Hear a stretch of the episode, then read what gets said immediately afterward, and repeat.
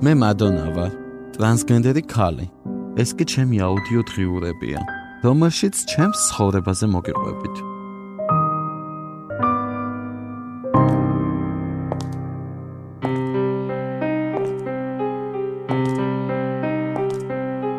მეც ვოცნებობ ბევრ ამასა და მჯერა რომ ეს ოცნებები დღეს ამისრულდება. ყველაზე ხშირად ვოცნებობ ოპერაციების გაკეთებაზე. სქესის შეცვლა და მკერდის ოპერაცია ყველაზე მნიშვნელოვანია. მაგრამ საქართველოს ძვირი სიამოვნებაა. ვოცნებობ შევურიგდე დედას. ყავდეს ოჯახი, რომელსაც ვეყვარები. მინდა სრულფასოვანი ქალი ვიყო. მინდა მყავდეს შვილები და მათ მივცე ის, რაც მე ვერ მივიღე.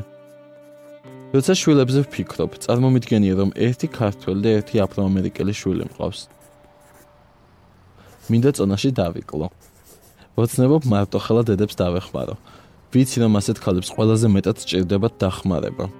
მე მინდა ყველაფერს მივახციო ჩემს ქვეყანაში. არ მინდა საქართველოსდან წასვლა მომიწიოს. აქ მინდა შევქმნა, შევცვალო, მივახციო.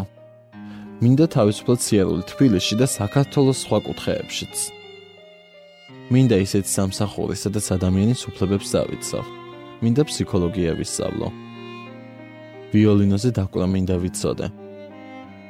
ჩემი ოცნებაა წავიდე ნეპალში.